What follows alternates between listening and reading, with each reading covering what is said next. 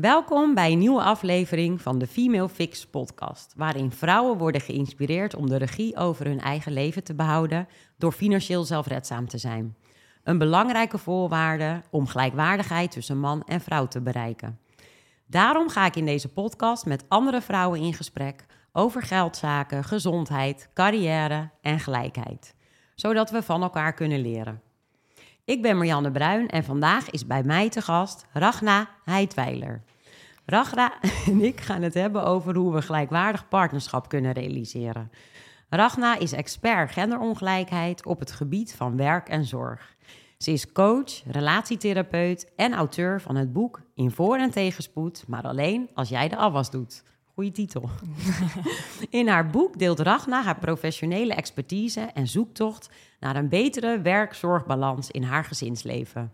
Ja, Welkom Ragna. dankjewel. Leuk om hier te zijn. Heel leuk dat jij er bent. Ja, Gelijkwaardig partnerschap. Eh, een hele mooie uitdaging, kan ik eh, wel zeggen, als eh, moeder van vier kinderen. Maar ik vind het ook een complex onderwerp. Ehm, en ik was eigenlijk wel benieuwd, wat versta je precies onder gelijkwaardig partnerschap? nou voor mij is gelijkwaardig partnerschap ehm, bedenken hoe je zorg eh, als onbetaald werk en ehm, werk buitenshuis als betaald werk als partners met elkaar verdeelt. En daar op een eh, ja, proactieve manier over nadenken. En ook proberen om je te realiseren dat eh, daarin hele eh, ja, vaste blauwdrukken bestaan in onze samenleving, waarin mensen dat verdelen. Dat in Nederland vrouwen eh, vaak als ze een kind krijgen een stapje terug doen in het betaalde werk. En eh, dat mannen vaak het betaalde werk op nou, de manier blijven doen zoals ze dat altijd hebben gedaan. Maar dat het dus be- betekent dat vrouwen meer gaan zorgen. Ja. En dat daarmee ook hun inkomen achteruit gaat. En, ehm, en dat daarmee een bepaalde ongelijkwaardigheid in de relatie kan, eh, kan treden. En dat, nou ja, dat zie je dat dat in, eh, in heel veel gezinnen in Nederland eh, gebeurt. En dat dat eigenlijk een breder maatschappelijk probleem is waar nog steeds heel weinig over gesproken wordt.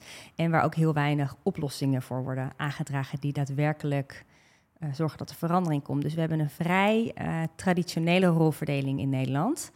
Ehm, met 75% van de vrouwen die deeltijd werken en 75% van de mannen die voltijd werken. Dus dat eh, balanceert elkaar inderdaad heel mooi uit. Mhm. En van alle vrouwen die deeltijd werken, zegt bijna, zeggen ze bijna allemaal, 97%, dat ze dat doen vanwege de kinderen. Ja. En dat is wel heel interessant. Waarom blijft dat, eh, ja, dat noemen we het anderhande- al- anderhalfverdienersmodel. Hè? Dus eh, eh, een vrouw met een halve baan en een man met een hele baan. Ja. Waarom blijft dat nou zo in stand met alle risico's? Nou ja, waar jij natuurlijk in de podcast altijd over praat, met alle risico's van dien. Mhm. En ik denk niet alleen financieel, maar ook voor de relatie. Dus ehm, ja, het is, eh, het is ook een, een onderwerp wat heel gevoelig ligt. En waar mensen zich vaak niet aan, eh, aan willen branden. Maar wat ook nou, ervoor kan zorgen dat er dus een bepaalde ongelijkwaardigheid gevoelsmatig intreedt. Waardoor, ja, eh, ja, waardoor mensen toch conflicten met elkaar krijgen. Dus ik denk dat het een heel belangrijk onderwerp is om met elkaar te bespreken. Absoluut. En dat we daarin wat meer geholpen zouden mogen worden door het systeem. Ja, En dat wordt, eh, worden we nu niet. nee. En met het systeem bedoel je de overheid? Ik bedoel aan de overheid, ja, werkgevers, exact, ja. Ja, ja. mooi. Ja, en, en er zullen ook tegenhangers zijn die dan zeggen: ja, maar stel ik kies ervoor om meer te zorgen. Ja. En eh, mijn man is eh, de kostwinnaar. En ik heb inderdaad een klein baantje voor de leuke extra's. En toch voel ik het zo dat we volledig gelijkwaardig ouderschap hebben. ja. Is dat in jouw ogen, of kan dat in jouw ogen ook gelijkwaardig ouderschap zijn? Ja, ik denk dat het heel belangrijk is om voor jezelf na te gaan wat je belangrijk vindt. Dus wat je Mhm. waarden zijn. Hè? Wat, eh, wat houdt dat dan in voor jou, gelijkwaardigheid? En wat heb je nodig om in de relatie en in het leven, maar ook wat breder in de maatschappij te floreren? Ja. En wat wil je je kinderen eh, voorhouden? Dus ik denk dat heel veel mensen ook eigenlijk willen dat jongens en meisjes dezelfde kansen krijgen in het leven. Mhm. En ik denk ook dat door dat traditionele patroon vol te houden, dat je wellicht niet het rolmodel bent wat je zou willen zijn. Ja. Dus ik heb ook soms het gevoel dat dat de mak het makkelijke antwoord is. Mhm. En dat, eh, Heel veel mensen denken ook dat ze die keuze heel bewust maken en dat ze daarin misschien zelfs uniek zijn. Dus wij hebben er echt voor gekozen dat ik een stapje terugzet en dat mijn partner voltijd blijft werken. Ja. Maar ik uh, zie dat het vaak toch een, uh, ja, een automatische keuze eigenlijk is. Mhm. Ja. Uh, een soort ja, platgetreden paadje waar je gewoon automatisch naartoe geleid wordt. Um, en dat, uh, ja, dus als je erover nadenkt van wat, wat wil ik eigenlijk in de toekomst voor mijn kinderen, dat het dus heel belangrijk is om daar bewuster bij stil te staan. En het erover te hebben van hoe kunnen we er ook weer voor zorgen dat we allebei bijvoorbeeld een grotere zorgtaak op ons nemen. Wellicht allebei drieënhalve dag of vier dagen gaan werken, zelf een deel van die zorg op ons nemen. En samen voor dat gedeelde inkomen zorgen. Zodat geen van beide partners financieel zo kwetsbaar wordt dat je niet op eigen benen zou kunnen staan. Ja, nou, heel mooi dat je je hard maakt voor dit onderwerp. En ik ben natuurlijk wel heel erg benieuwd. Um, hoe, wat is de reden dat het jou zo uh, aan het hart gaat? Uh, ik heb me er zelf ontzettend over verbaasd toen ik moeder werd. Want mijn partner en ik, uh, die zijn er ook van uitgegaan, mm. zoals zoveel stellen doen, dat we na de geboorte van onze eerste dochter een gelijkwaardige verdeling zouden hebben. Ja. Uh, ik was toen nog geen vaste dienst. Hij is ondernemer. En hij had ook bijvoorbeeld voor zichzelf toen besloten dat hij twee weken vrij zou nemen na de geboorte van onze dochter. En dan zouden we daarna dat als vanzelfsprekend gelijkwaardig oppakken. Dus hij iets minder werken, een zorgdag, ik een zorgdag voor haar. Ja. En uh, nou, dan zouden we gewoon, zou allemaal vanzelf gaan. en, en dat is een denkfout die heel veel stellen maken. Mm -hmm. 75% van de stellen heeft het niet in detail over de verdeling van zorg en arbeid op het moment dat er een kind komt. Dus nee. er zijn er echt heel weinig die dat wel bewust doen. Dus het is echt vaak die, die automatische keuze van, nou ja, iets minder. En wij dachten dus dat we met de keuze voor allebei net iets minder werken, dat we er wel waren. Ja. Maar ja, er komt een werkweek aan zorgtaken bij op het moment dat je mm -hmm. een kind krijgt. En die moeten uit het potje van één van, van een van de partners komen, of dus van jullie beiden. Ja. En toen uh, merkte ik dus al heel snel dat dat het geval was en dat ik eigenlijk veel meer ook uh, ja, opofferde op een bepaalde manier om uh, bij ons kind te kunnen zijn. Wat ik natuurlijk ook graag wilde. Hè? Ja. Zorgen doe je natuurlijk ook, doe je ook echt uit de liefde van je hart en omdat je graag bij, bij je kind wil zijn. En ik voelde bij Samuel, mijn partner, dat hij uh, veel meer weer naar dat werk werd toegezogen. Ja. En dat daar mm, ook in hem heel erg de overtuiging leefde van ja, ik moet daar zijn. Ik ben daar nodig. Ja. Maar wij hadden hem ook nodig. Mm -hmm. En um, nou ja, dat uh, dilemma eigenlijk, van aan de ene kant mijn trekken aan hem en aan de andere kant dat betrekken van het betaalde werk, ja, dat zorgde bij hem voor een gigantische kramp en bij mij voor heel frustratie. Want ik dacht echt van ja, maar wij gingen dit toch echt samen doen? Ja. En dat voelde ik helemaal niet. Um, en daar begon ik steeds opnieuw over met hem uh, te praten en ik wilde ja, van hem horen dat hij, uh, dat hij op dezelfde manier ging zorgen voor ons kind als, als ik dat deed. En voelde hij het ook zo? Hij voelde dat totaal niet zo. Want hij zei ook van hij kookt bijvoorbeeld bijna altijd. Mm. Hij zorgt voor de tuin. Uh, ja. Hij bracht haar ook naar de crash. Hij verschoonde natuurlijk ook gewoon luiers. Het is gewoon een, een moderne man, zoals er, weet je wel, zoveel zijn die gewoon echt dat heel graag allemaal willen en heel erg Mhm. betrokken willen zijn. Maar die betrokkenheid had wel een soort van grens. Dus, Ja. dus als er dan, als zij ziek was, de eerste, eh, ja, dan, eh, nou, soms werd hij nog wel gebeld door de crash. Dat was wel grappig, maar onze crash deed dat gelukkig al wel. Mhm. Maar ik ging vaak naar huis of ik zegde iets af in de avond als Ja. het nodig was. En dat deed ik sneller en makkelijker dan hij. En we hadden dan discussies over ruimte. Hè? Wie krijgt de meeste ruimte om dingen te doen, om te werken, om sociale activiteiten te ondernemen? En hij zei dan, nou, die ruimte moet je gewoon pakken. Zei ik, ja, maar zo werkt het niet. Dat kon ik toen nog niet zo goed zeggen, maar uiteindelijk kwam ik tot de conclusie, zo werkt het niet. Want als je wat ruimte wil pakken en dus wil krijgen, dan moet die ander ook iets geven. Ja. En in dit geval was dat mijn vraag aan hem: kan jij meer met een vooruitziende blik prioriteit geven aan het Mhm. zorgen voor ons gezin, wat we samen moeten dragen? Het, Ja. is een, het fundament van ons, van ons bestaan. We zijn er het allebei over eens dat dit het allerbelangrijkste is, maar je handelt er niet naar, Mhm. want dat werk krijgt altijd voorrang. En nou, daar kregen we herhaaldelijk ruzie over.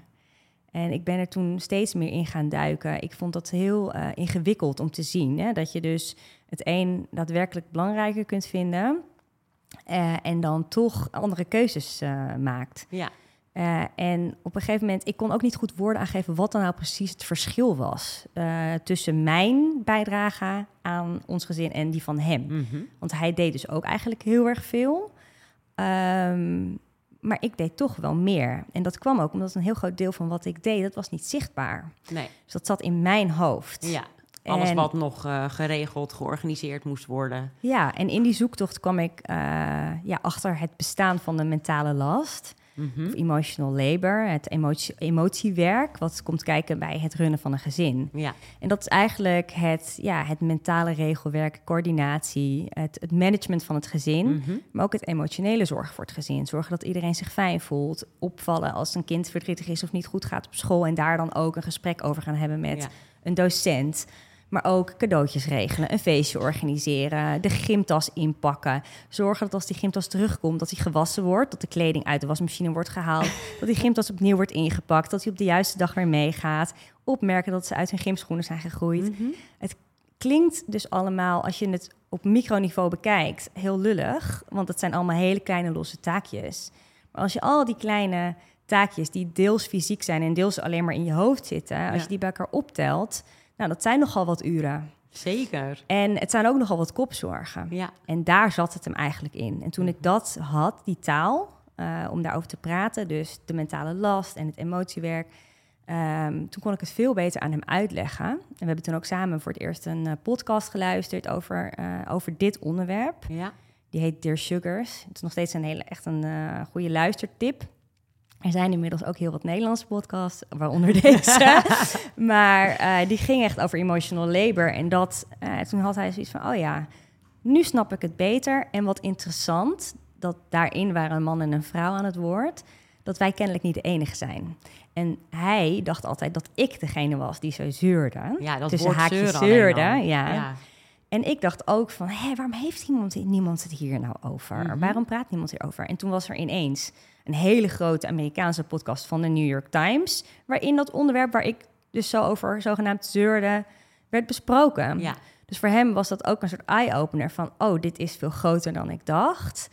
Laten we Dat het woord hier... kende jij ook nog niet? Toen nog niet, nee. Nee, dat was, eh, dus- Dit was 2017, 2018, denk ik. Ja, dus bij jou vielen die puzzelstukjes ook van... Oh, wat een opluchting. Ja, dit was er is een term ja, voor. ook omdat ik het wel aanzwengelde, inmiddels met coach was begonnen en het ook toen dus iets meer zag. Eh, maar bij vriendinnen, iedereen zat nog in die eerste jaren van kinderen hebben, dat, eh, ja, dat het toch echt gevoelig lag. Want het voelt dus als zeuren. Je valt Mhm. eigenlijk je partner op een bepaalde manier af. Dus het voelt als een taboe onderwerp. En eh, het wordt dus ook niet met open armen ontvangen, want die partner denkt, moet ik nou nog meer? Ja. Ik doe toch al zoveel. Ik doe toch al zoveel. En dat maakte het zo, eh, ja, zo gevoelig en, en ingewikkeld. En daarna liet het me niet meer los. En ook doordat ik zag van, nou, zoveel mensen lopen hier dus kennelijk mee rond. Eh, toen brak corona uit. Ja. En eh, werd er ook weer meer onderzoek gedaan naar het onderwerp. Het is echt iets wat al heel lang, nou ja, om de zoveel jaar weer op de agenda komt te staan. En eigenlijk sinds de jaren zestig al een onderwerp is van zouden mannen niet ook meer zorgtaken op zich Mhm. moeten nemen, zodat vrouwen ook meer ruimte krijgen om dat betaalde werk buitenshuis te doen. Hè? Het is twee kanten van dezelfde medaille. Ja, en dat vind ik zo mooi dat je dat belicht. Want vaak gaat het alleen maar over... Hè, vrouwen zouden meer betaald moeten werken. ja. Maar inderdaad, wat gaat de man dan doen? Exact, en dat heeft me altijd wel gestoord, die focus op die deeltijdwerkende vrouw. Hè? Dat je zo negatief praat over deeltijdprinsesjes, terwijl de voltijdprinsjes dus niet eh, aan bod komen dan, of eigenlijk eh buiten schot blijven. Ja. Ja, en toen eh, nou ja, werd dat steeds meer voer eh, Mhm. voor, eh, voor een boek. Ja. eh, waarin ik vanuit het persoonlijke verhaal ervoor wilde zorgen dat mensen dus ook zagen van, oh ja, zij heeft dat dus ook. Ja. Eh, ik ben niet de enige. Hij heeft dat dus ook. Hè? Dus eh, wij, wij hebben samen ons verhaal ver- gedeeld. En toen ben ik het steeds verder in een breder ja, perspectief gaan plaatsen. van hoe dit speelt in de samenleving. En wat voor impact dat heeft. En, en ook binnen bijvoorbeeld overheidsbeleid. eh, waarin het nog steeds ook heel erg gaat over nou ja, toch nog een, dat, dat, dat oude idee van een kostwinner Mhm. en een zorgende moeder. Ja. Vroeger de huisvrouw. Mhm. Ehm, dat dat er toch toe leidt dat moeders nog steeds als de belangrijkste verzorger worden gezien. En vaders als degene die brood op de plank moeten brengen. Mhm. En ons beleid daar eigenlijk ook nog steeds omheen gevormd is. En dat nou, vaderschapsverlof uh, pas in 2019 van twee dagen naar vijf dagen werd uitgebreid. Wow. Ja, en nu hebben we dan het extra geboorteverlof, vijf weken extra, deels betaald. Ja. Maar nemen Ehm, heel veel mannen ook nog niet nemen op. ze ook nog niet op. En dat, heel veel mensen kunnen zich het ook niet veroorloven, want het is Nee. 70 Ja. Dus je laat een heel groot deel van de mensen die dit ook- eigenlijk ook hard nodig zouden hebben, laat je buiten schot. Mhm. Werkgevers willen er vaak nog ook niet aan meewerken. Die, hebben, eh, die geven mensen het gevoel dat het niet kan, terwijl het wettelijk is vastgelegd Ja. Dus ehm, ja, je zou eigenlijk gewoon naar 100% willen. En het liefst natuurlijk naar een verlofmodel naar, eh, naar Scandinavische... Ja. ja, Waar ze alles eerlijk verdelen. Dual earner, dual care. En Ja. kinderopvang is daar bijna gratis, Gratis. als je werkt. Ja, klopt. En daar zijn we natuurlijk in Nederland nu ook weer ver van verwijderd. Mm. Een heel complexe situatie. Kinderopvang wordt ook nu niet echt gezien als iets wat eh, pedagogisch bijdraagt aan de opvoeding. Maar meer als plek om je kind Ja. naartoe uit te besteden terwijl jij gaat werken. Nou, dat helpt natuurlijk niet in het, eh, Nee. voor het imago ook. Dus er zijn gewoon heel veel verbeteringen in het systeem nodig om eh, hierin een stap verder te Mhm. komen en te zorgen dat we daadwerkelijk ehm, zowel zorg als betaald werk beter kunnen gaan verdelen. En dat vraagt de overheid eigenlijk ook nu van mensen. Maar dan moet er dus ergens wel ruimte komen Absoluut. om dat te doen. En niet alleen als je kinderen krijgt. Ik bedoel, ook als mantelzorger heb je die tijd nodig om dat eh, te kunnen doen. Ja, en ook dat wordt eigenlijk niet betaald. Nee. Dus, maar ik vind het eh, echt zo boeiend en het is zo herkenbaar. Ehm, jij hebt in ieder geval het gesprek gevoerd voordat de kinderen kwamen. Hè? Ja, is wel heel beknopt. Heel beknopt, te beknopt, maar het- je was er al wel bewust van. Ja, zeker. En, en wij komen allebei uit eh, West-Friesland, dus het Ja. is wel leuk om daar ook even zo over te hebben. Maar ik weet namelijk van, ik wilde juist laten zien, hè, carrière en moederschap. Ik ga laten zien dat het allebei kan. Eh, mijn man was ook ondernemer. En toen ik dus het gesprek aankaartte van hoe gaan we het straks doen, was eigenlijk de eerste reactie die mijn man zei: Ja, ik ga niet minder werken. Ja. Zo. Dus ik dacht: Oh, oké. Dus ik moet dan iets gaan bedenken. Maar ja, ik wilde mijn carrière ook niet eh, opgeven. Ja. Dus wat deed ik? Ik, voel, ik eh, propte mijn fulltime functie in, vier, dagen. Ja. Ging in de avonduren dus dat werk compenseren op je vrije dag. Nou, dan had ik nog weer een smaaktest. Ik werkte toen eh, bij McDonald's en dan nam ik mijn kinderen mee om die smaaktest nog eventjes te doen. ja. Ja, dat was eigenlijk gewoon Niet te doen. niet te doen. En Nee. toch deed ik het. En achteraf denk ik, hoe heb ik dat toen gedaan? Ja. Maar doordat mijn man eigenlijk direct nee zei en ik in een sociaal systeem zat, waarbij inderdaad de moeder voor de kinderen zorgde. Ja. Eh, ik was de eerste die ging studeren. Mijn moeder zat thuis met dat kopje thee. Ik had geen andere voorbeelden van hoe het ook anders kon. Nee. Schikte ik mij naar eh, wat de wereld eigenlijk van mij verwachtte. Ja. Want die carrière, daar koos ik zelf voor. Ja. Dus wat ik zo intrigerend vind is... eh, het is gewoon een veelkoppig monster, maar ook dus hoe ben je zelf grootgebracht? Hè? En wat is het voorbeeld wat jij hebt meegekregen? Absoluut. En daarom is die blauwdruk dus ook zo sterk. En zelfs als je een ander voorbeeld hebt meegekregen, dan nog is de maatschappelijke norm, zoals jij hem nu schetst, hè? die moeder die dus verantwoordelijker is kennelijk dan de mannelijke partner. Dit gaat natuurlijk trouwens volledig altijd de hele tijd over heteroseksuele koppels. Ja, ja, ja. Ehm, en ja, dat is zo sterk. En ook eh, scholen, nou, kinderopvang zijn meer geneigd om zich tot een moeder te richten, nog steeds, Mhm. dan tot die vader. Want die wordt ook door werkgevers overigens. Het is ook een reden dat mannen sneller promotie krijgen. Eh, en die worden overgeslagen als er een eh, eh, salarisverhoging aankomt. Omdat zij worden gezien als die kostwinner. Dus zij zullen het harder nodig hebben dan hun vrouwelijke collega's. En ik had inderdaad een werkende moeder als voorbeeld. Mijn moeder heeft altijd gewerkt. Ze ging wel parttime werken toen ik geboren werd. Maar ze heeft ook in fases van mijn leven bijna fulltime gewerkt. Ja. Ehm, maar tegelijkertijd, en dat werd dus ook mij pas duidelijk toen ik zelf een kind kreeg en hiermee bezig eh, ging, ehm, had zij ook echt die zorg-eindverantwoordelijkheid. ja. Dus zij was wel gewoon eh, het brein, eh, het coördinerende brein van, van ons gezin. En zij wist wat er moest gebeuren en wanneer en zorgde dat dat, dat, dat gedaan werd. Ehm, en dat er eten was en dat er schoongemaakt werd. En gewoon dat het rijlen en zeilen, dat lag wel in haar handen. En ze werkte er nog bij ook. Ja. Dus die boodschap heb ik ook meegekregen. Mhm. Van je kan dus en volledig die zorgende moeder zijn... en ehm, Volledig een volledige carrière hebben. carrière hebben. Dat kan. ja. Dus Maar die emotional labor, zoals jij Ja. het noemt, hè? ja, menta- mentale last eigenlijk een beter woord. de mentale last. Ja. Ehm, zijn vrouwen daar ook gewoon niet beter in? In meerdere dingen tegelijk doen? Ja, dat is dus een hele interessante. Want dit Hm. heeft dus totaal te maken met, nou ja, het, eh, met, met conditionering, zoals we dat noemen. Mhm. Dus eigenlijk met hoe ben je opgevoed? Hoe heb je je ontwikkeld? Hoe ben je getraind om, eh, ja, om mens te zijn? Ja. En dat is voor jongens en voor meisjes nog steeds anders. Dat zie je nu eigenlijk ook Mhm. nog. Hè? Ja. Dat, eh, eh, daar is een onderscheid in. En van meisjes is een van de stereotype verwachtingen die we hebben... is dat ze zorgzaam zijn. Mhm. En dat ze letten op hoe het met de omgeving gaat. En dat ze daar rekening mee houden. Ehm, je ziet ook vaker dat meisjes bijvoorbeeld voor jongere broertjes en zusjes vaker oppassen dan, eh, dan jong, dat, dat, dat dat van jongens Ja. gevraagd wordt. En dat huishoudelijke taakjes eerder bij meisjes worden neergelegd. Maar ook dat, dat opletten, hè, dat we voorzichtig omgaan met hoe anderen zich voelen. Dat wordt er bij meisjes eh, van, met de paplepel gewoon ingegoten. Ja. En dat zorgende minder bij jongens. En het wordt dus ook minder van ze verwacht. Mhm. Dus eh, zo groei je al op. Ja.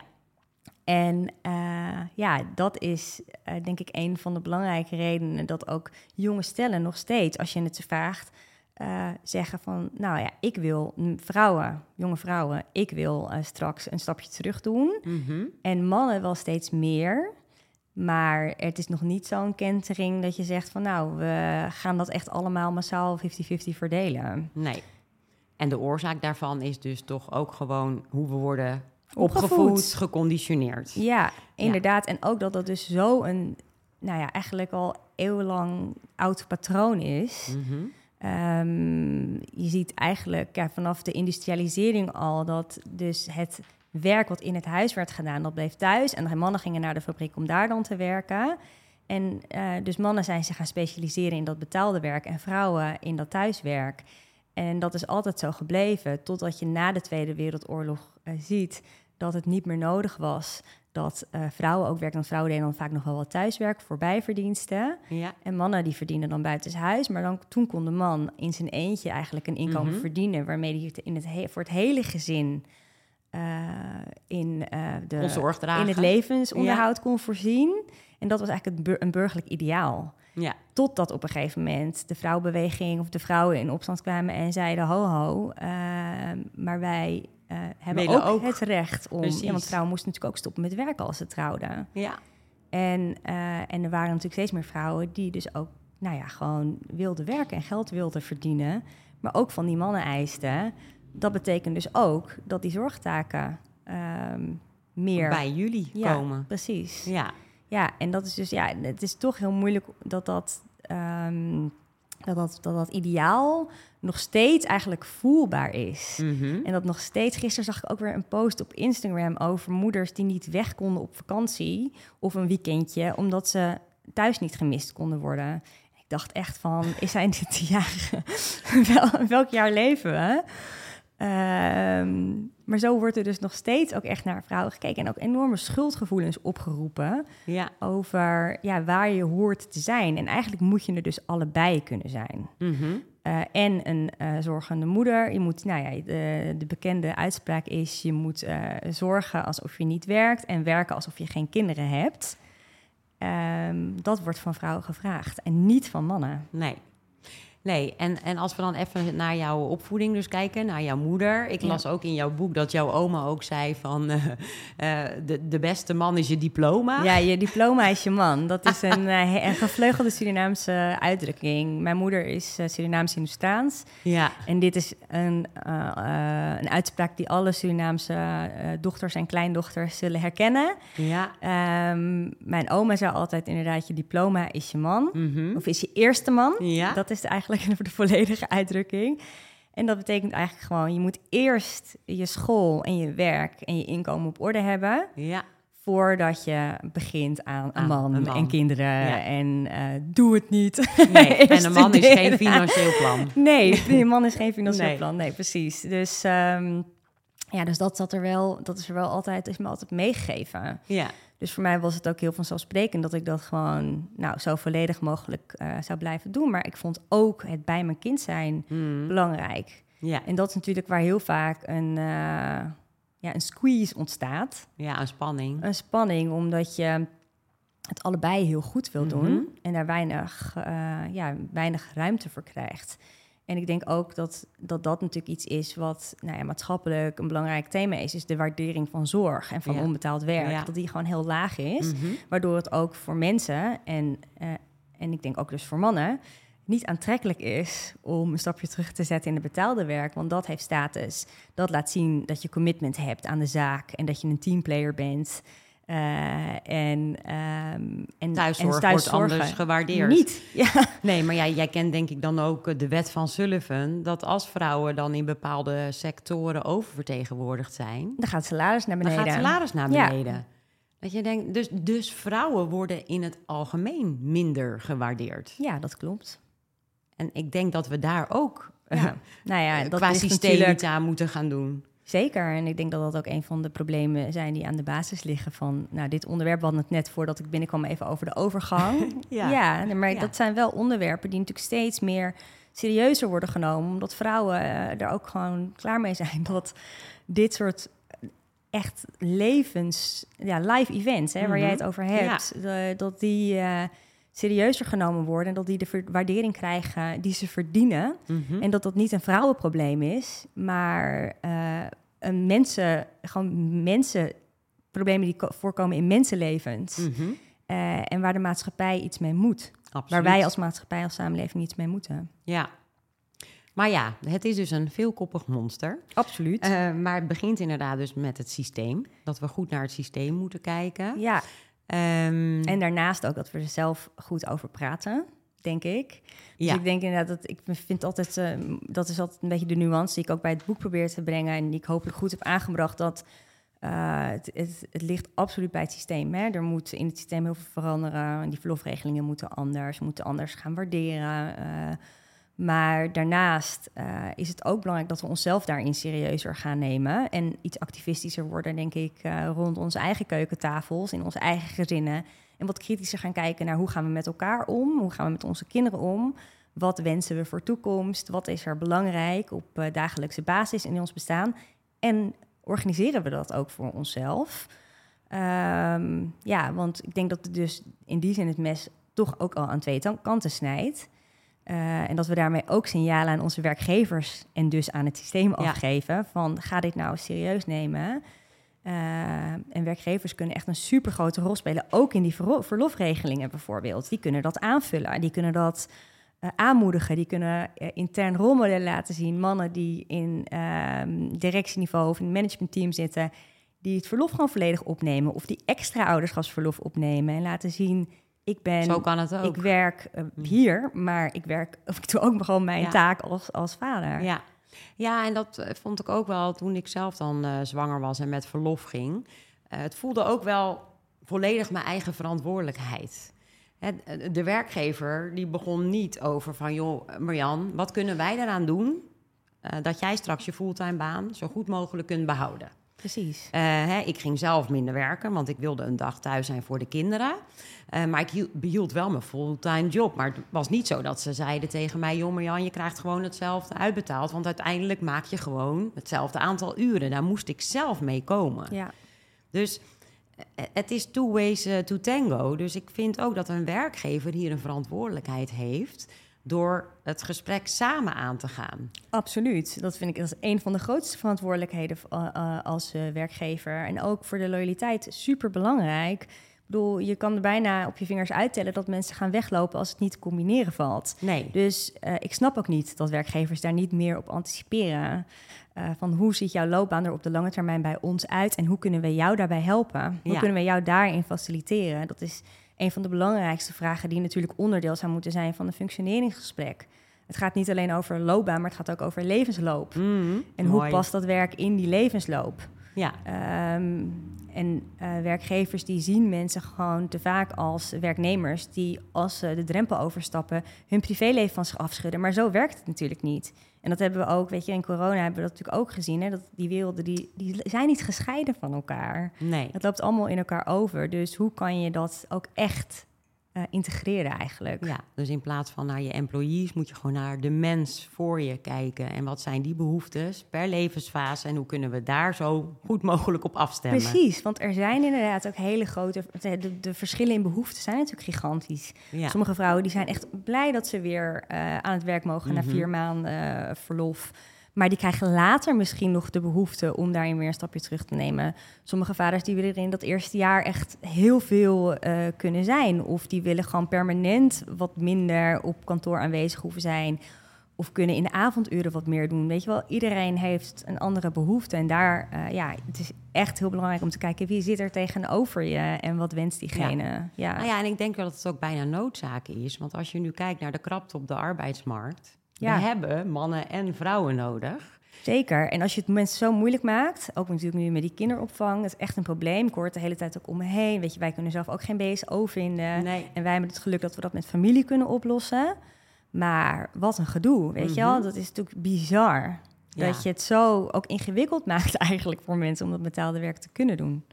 Ja, ja, en, en daarna kijkend, hè, als je dan naar Frankrijk bijvoorbeeld kijkt en België, daar uh, heb je school. Maar vervolgens uh, gaat school door in sport en spel. Ja. En als je dan kijkt in Nederland, ja, ze zijn om kwart over drie uit, drie uur. Ja. ja, en dan, nou, de BSO is een probleem, kinderopvang is een probleem. Dus dan zijn er toch weer de ouders of de opa's en oma's die de kinderen ophalen, weer naar de sport moeten brengen. Ja. Hè, dus ook daar denk ik dat de overheid moet gaan kijken naar hoe kunnen we daar ook weer makkelijker gaan maken voor de ouders. Absoluut, ja. En helemaal mee eens. Ja. ja. Maar moeten we niet eigenlijk gewoon een politieke partij beginnen of zo? Dat we zeggen, we gaan voor gelijkwaardigheid. Nou, ik, de, ja, ik denk dat uh, er is nu een heel mooi initiatief uh, gaande. En misschien heb je er al van gehoord. 21ste eeuws verlof. Ja, de ja, petitie zeker. is begonnen door het Buikencollectief. En Eline Ja. Leijten is de initiatiefnemer. En ik denk dat het heel belangrijk is dat we die petitie allemaal ondertekenen. Mhm. Eh, en ja, daar hoop ik dat er echt enorme golven mee gemaakt gaan worden. Om dus te komen tot een nieuw verlofstelsel. Ja. Eh, maar ook bijvoorbeeld eh, zorg voor mensen die een miskraam hebben gehad. Of zelfs een doodgeboren kindje hebben Mhm. gekregen.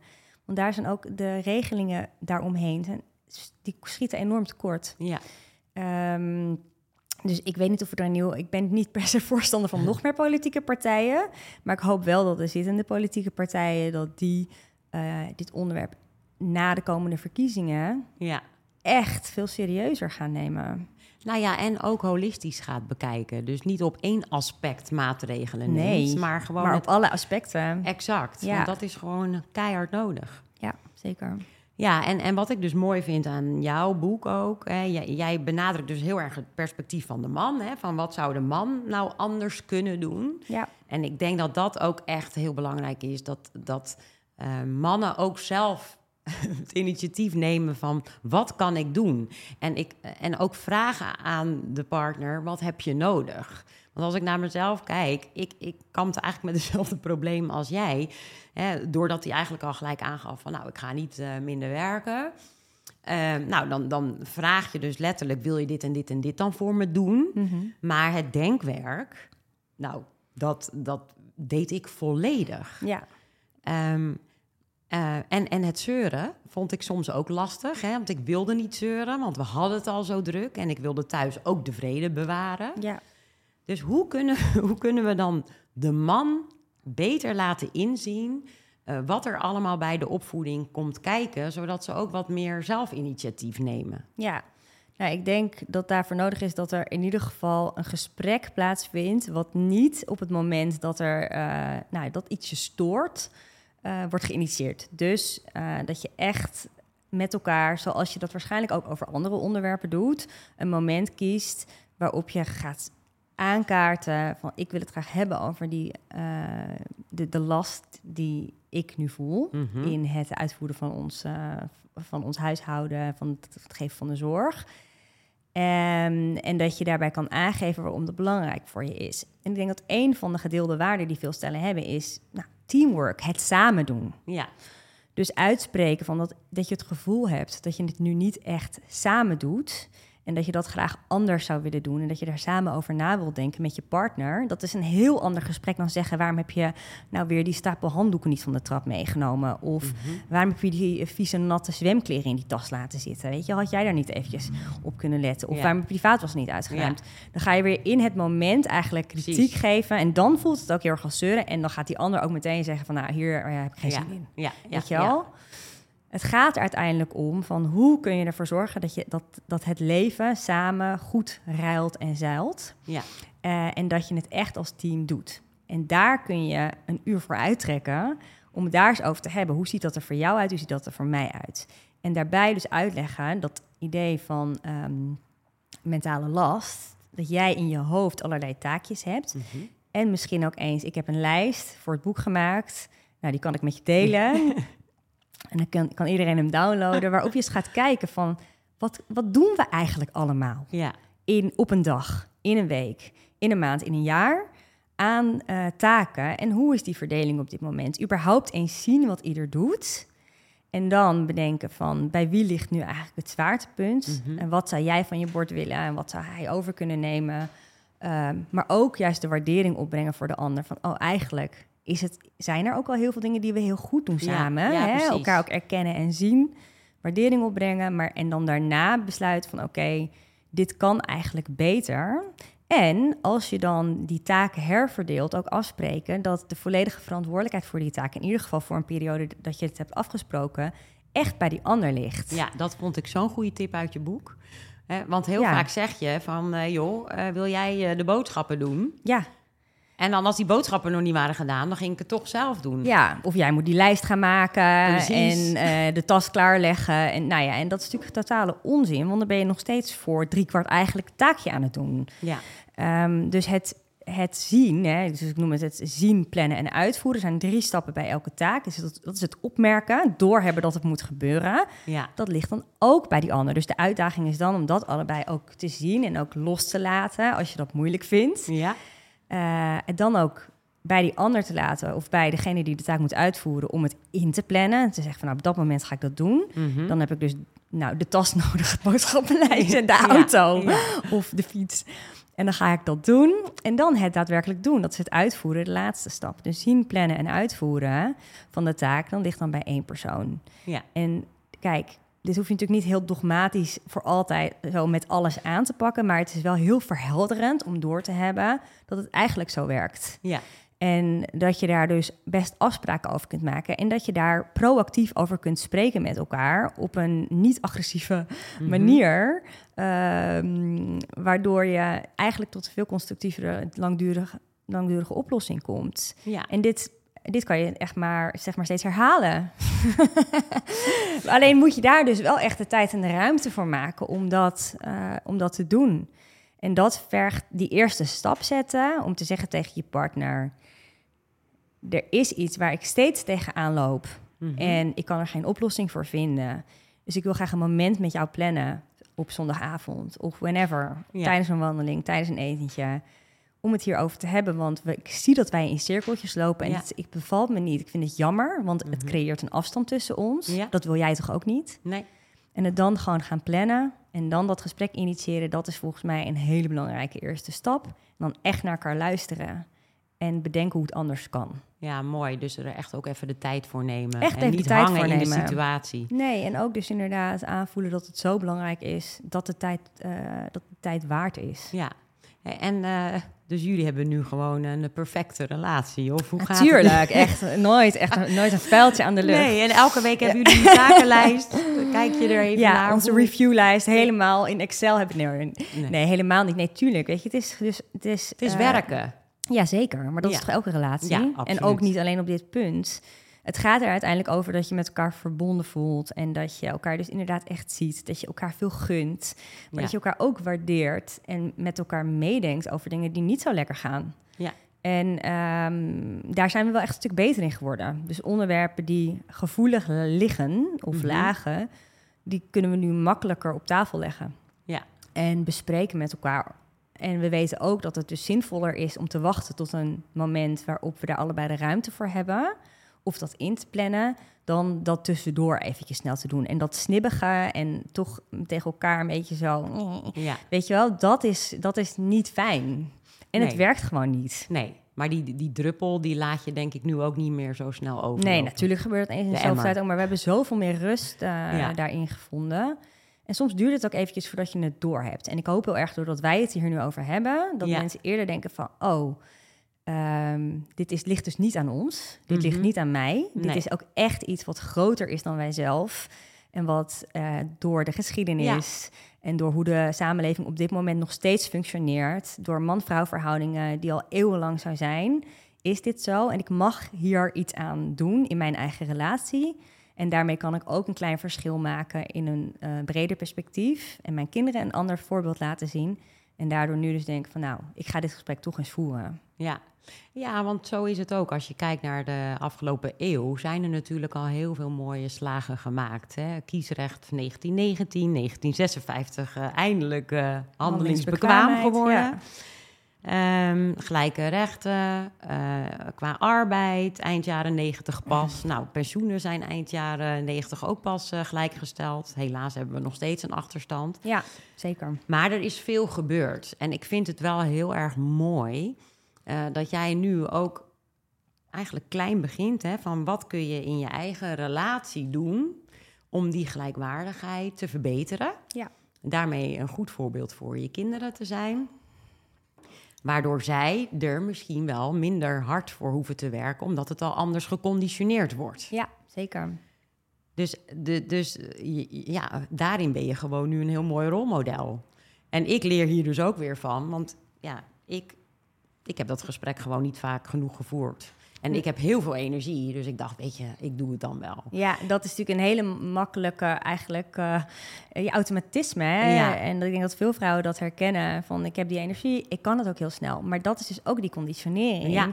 Van als je iets oefent, als je de vaardigheid ontwikkelt... doordat je het heel vaak gedaan hebt... Mhm. ja, dan gaat het altijd sneller. Maar dan, dan ontneem je de ander de kans om er ook goed in Ja. te worden. Ja, klopt. Maar ik had al soms ook, mijn man die kan heel goed dingen signaleren. Van, nou, eh, die schoenen moeten worden vervangen, weet je wel, die zijn te klein. Ja. Ja, en dan? En dus, nou, maar dit is het wel echt. Oké, nou ja. Ja. dus de volgende stap is dan om eh, het hem te laten doen. En dan, nou, misschien zijn de schoenen waarmee ze dan thuiskomen niet je smaak.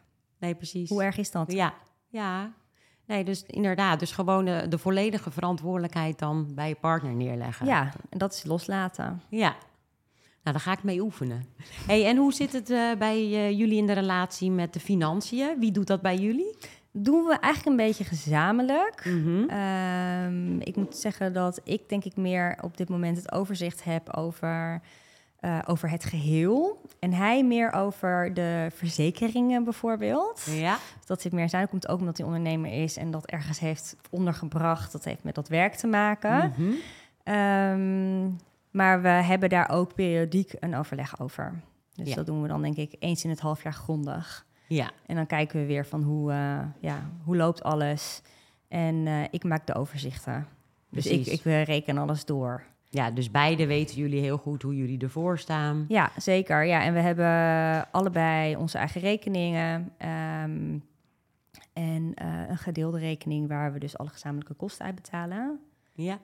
En we doen het eigenlijk via volgens de zakgeldmethode. Dus eh, overmaken aan eh, nou, dat die gezamenlijke rekening. En dan halen we Ja. een stuk zakgeld zeg maar, in op onze eigen rekening. Ja, precies. Ja. En dan na rato van je inkomen doe je dan ook inleggen op de gezamenlijke rekening. Ja.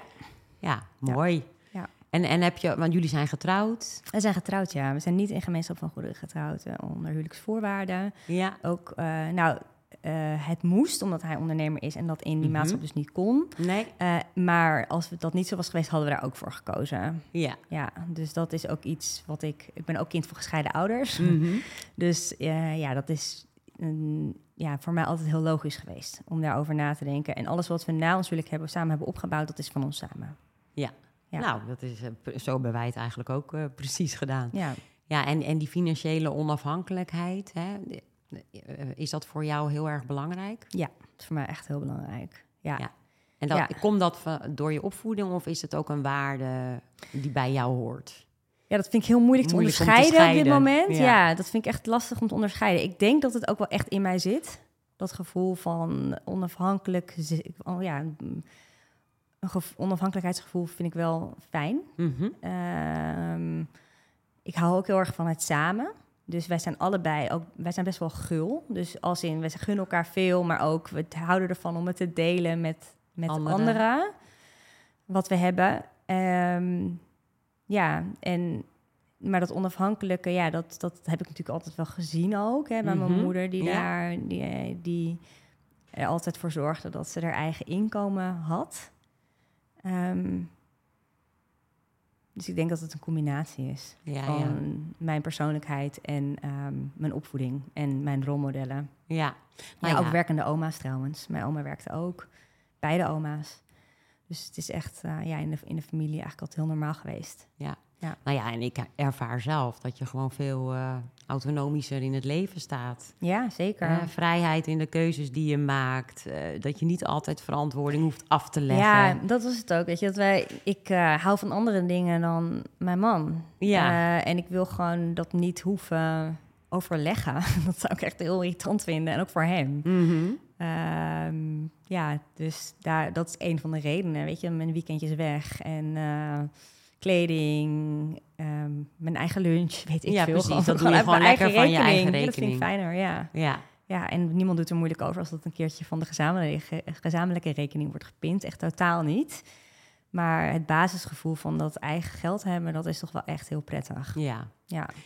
Hey, en ben je ook al aan het eh, beleggen of bezig met een pot voor later? ja, zeker. Want wij zijn natuurlijk allebei zelfstandig. Tenminste, hij is ondernemer, ik, eh, ik ben ZZP'er. Mhm. Ehm, dus dat is iets waar we zeker mee bezig zijn. Eh, ja, eh, dus we beleggen inderdaad. Ja. Ja, En dat doen jullie gezamenlijk of doe je dat ook zelf? nee, dat doen we gezamenlijk. Ja. Ja, dat doen we gezamenlijk. Ik heb nog een eigen woning.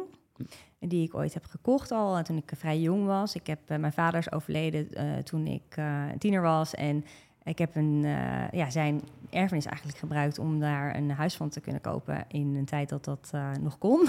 Wat eh, in de verstandig stad. Ja, en goed en dat je. huis heb ik nog steeds. Ja. En dat voelt ook natuurlijk, dat is ook een belegging. Ja, dat is een Ja. hele belangrijke hele belangrijke belegging. En dat, het is me ook een heel dierbaar huis. Omdat Mhm. ik daar dus een heel groot deel van mijn volwassen leven heb gewoond. Alleen. Dus dat staat voor mij ook symbool voor die zelfstandigheid. Ja, en, dat hoop- is in Amsterdam? Dat is in Amsterdam. Mhm. En ik hoop heel erg dat mijn dochters daar ooit kunnen gaan wonen. Ach, Dat, zou, dat is een beetje mijn droom. Dat Ja. zij dat, daar ooit, eh, ja, ooit in kunnen.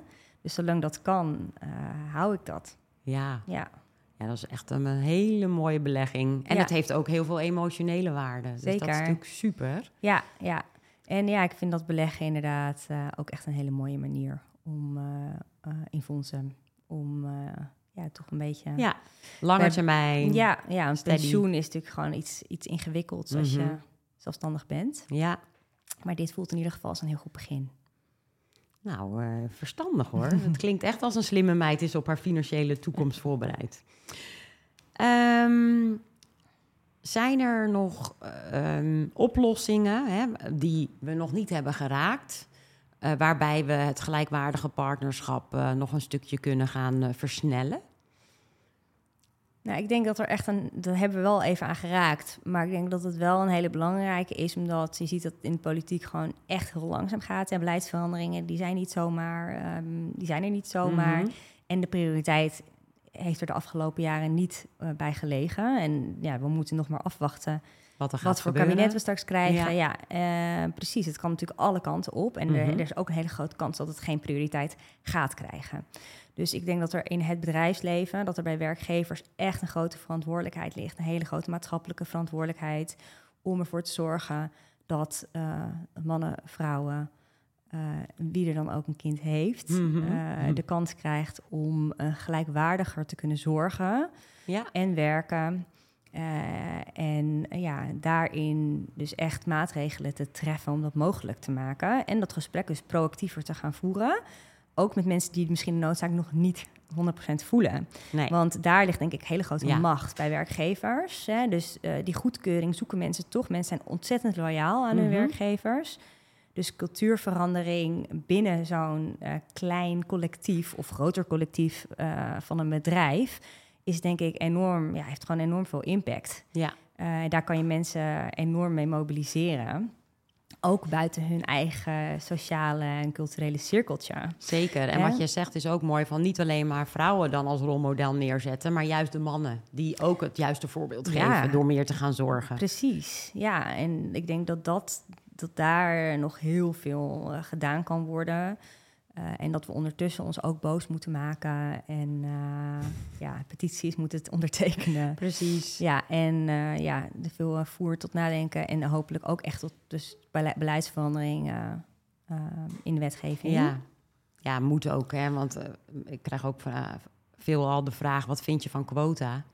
Maar het gaat gewoon te langzaam. Ja. Dus die quota's zijn nodig. Zeker, ja. Dat twijfel ik ook echt totaal niet aan. Nee. En uh, werkgevers kunnen daarin gewoon veel meer doen en veel transparanter ook zijn uh, over de inkomens gewoon, mm -hmm. ja, van hun medewerkers. Die kloof, nou, het was van de week natuurlijk ook weer in het nieuws. Ja. Dat die weer gegroeid is. Ja, echt, uh, ja.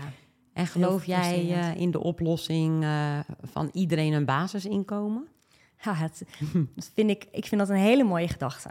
Mm -hmm. uh, maar ik weet er eerlijk gezegd te weinig van om te kunnen zeggen dat ik er helemaal in geloof. Maar ik vind het een heel mooi idee. En ik geloof wel heel erg eigenlijk in mensen een bepaalde bestaanszekerheid geven in een welvarend land als Nederland. Ja. Dus ik denk dat het kan. Mm -hmm. En ik denk ook dat de, wat dat betreft de, de prioriteiten uh, vaak op de verkeerde plek uh, liggen. Um, en dat dit wel, ja dat het een hele mooie uh, oplossing zou zijn voor heel veel uh, problemen. En ongelijkwaardigheid in een veel breder kader in de samenleving zou kunnen oplossen. Ja. Hè? Dus dat mensen gewoon voelen van, uh, ja, ik kan dit. Ik kan ik heb wat ik nodig heb. Precies. Ja, en, en, en wat ja. ze dan in Scandinavië doen, hè, want daar hebben ze er ook mee getest, is dan iedereen heeft er wel een basisinkomen, maar het is eigenlijk net te weinig om niet betaald te gaan werken. Ja. Dus daarnaast heb je sowieso ook nog een betaalde ba uh, baan. Inderdaad, ja. en ook die motivatie.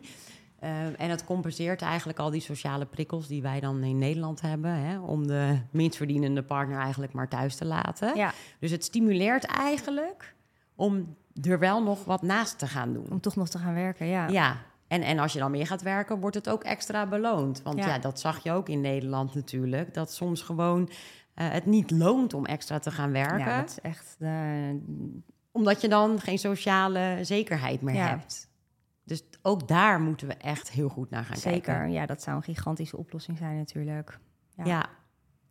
Nou ja, da, uh, Ragna, ik uh, heb weer heel veel uh, gehoord en geleerd. Maar mijn outtake is ook wel dat die bewustwording, hè, voordat je ouders wordt, heel erg belangrijk is. En dat je dus ook uh, wellicht al op school, op hogescholen, middelbare scholen meekrijgt wat voor impact sommige levensfases hebben. Ja. En, en dat uh, gelijkwaardigheid um, soms wel even in twijfel wordt getrokken bij bepaalde levensfases, als je niet goed oplet. Ja, nou, ik denk dat sowieso de parallel tussen bepaalde schoolvakken en het leven wat vaker getrokken zou mogen worden. Ja. Dus bijvoorbeeld, ik heb dit nooit gehoord bij economie. Nee. Terwijl het natuurlijk een hele logische onderwerp geweest zou zijn en ook heel interessant. Van, weet je wel, je gaat bijna studeren straks. Hè, wat voor impact heeft dat? Wat, waar moet je allemaal aan denken? Daarna komen er nog andere levensfases. Hoe is het eigenlijk voor je ouders? Ook wat reflectief vermogen, ook niet onnodig. Dus ja, dat lijkt me eigenlijk een hele logische parallel. Maar ook, kijk, het wordt natuurlijk pas echt relevant als je ouder wil worden ja. en, en het gaat worden. Mm -hmm. Dus uh, dat bijvoorbeeld bij een verloskundige of bij een huisarts, dat, Ja. dat, het, uh, ja, dat je in ieder geval een beetje de impuls krijgt om daarover na te denken. Ik snap dat het niet een onderwerp is wat daar volledig uitgesponnen kan worden. Maar je kan best mensen een beetje nudgen van... Um, dit heeft consequenties op heel veel vlakken. En verwijzen naar nou ja, een checklist um, met betrekking tot het inkomen... de verdeling van de zorgtaken. Denk, er daar, denk daar eens over na op het moment dat het gaat spelen... voordat de baby er is. Ja, ja. nou zeker. Want nu krijg je wel uh, lactatiecursus uh, van tevoren. Ja, maar dat is toch totaal logisch dat je dan dit ook zou bespreken? Uh, precies, ja. ja. Eigenlijk wel. En, en je hebt wel negen maanden de tijd ook om bij dit soort onderwerpen stil om te staan. Om er naartoe te groeien, zeker. Ja. Vind ik wel een heel uh, mooi, mooi idee.